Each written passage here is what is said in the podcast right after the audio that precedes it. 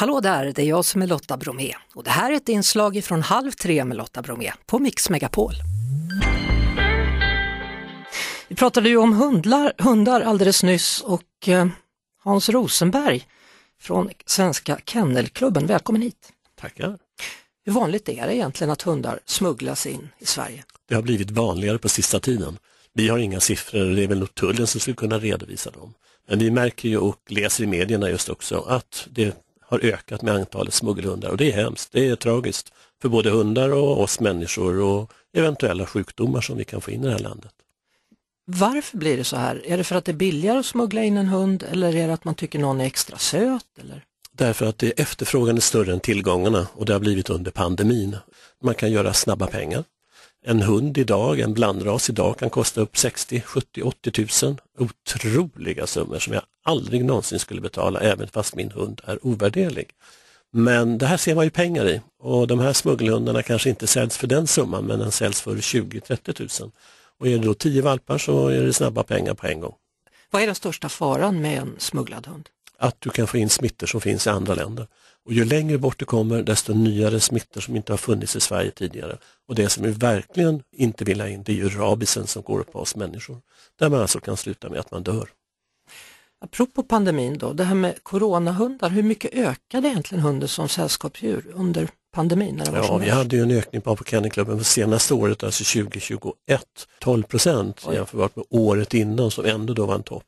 Så att vi har verkligen märkt av och våra uppfödare märker att de är nerringda och man vill ha valpar och man vill gärna då ha och det tycker jag är bra att man ska köpa en registrerad hund i Svenska Kennelklubben. För då talar om det här med hur ska jag veta om det är en smuggelhund eller inte så är den största och bästa möjligheten är just att köpa en registrerad hund i Svenska Kennelklubben. Om vi tittar på det här med smuggelhundarna, hur brukar det gå till? Ja, dels så föds de upp i eh, öststatsländer, många, under väldigt dåliga förhållanden. Det finns ju ingen reglerad uppfödning, det finns ingenting att bedriva någon frisk uppfödning utan de bedrivs på, på hemska förhållanden. Sen så smugglar man in dem i Sverige, de eh, packas, vissa sövs eh, har vi förstått, eh, man lindar armar tös, eller ben för att de inte ska röra på sig för mycket. Alltså, det är hemska förhållanden från uppfödning till leverans kan man säga. Och sen när man väl kommer till Sverige så ska man ändå försöka bli av med dem. Man kan annonsera ut dem på de sociala medierna.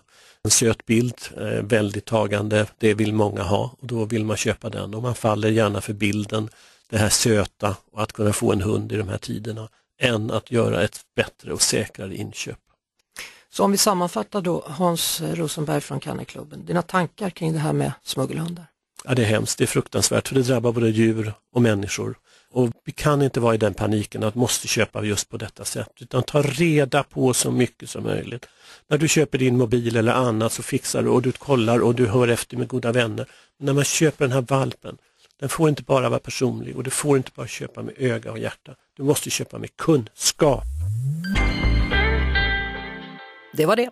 Vi hörs såklart igen på Mix Megapol varje eftermiddag vid halv tre. Ett poddtips från Podplay. I fallen jag aldrig glömmer djupdyker Hasse Aro i arbetet bakom några av Sveriges mest uppseendeväckande brottsutredningar.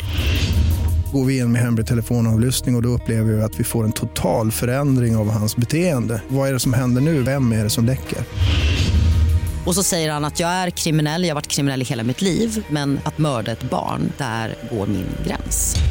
Nya säsongen av Fallen jag aldrig glömmer på Podplay.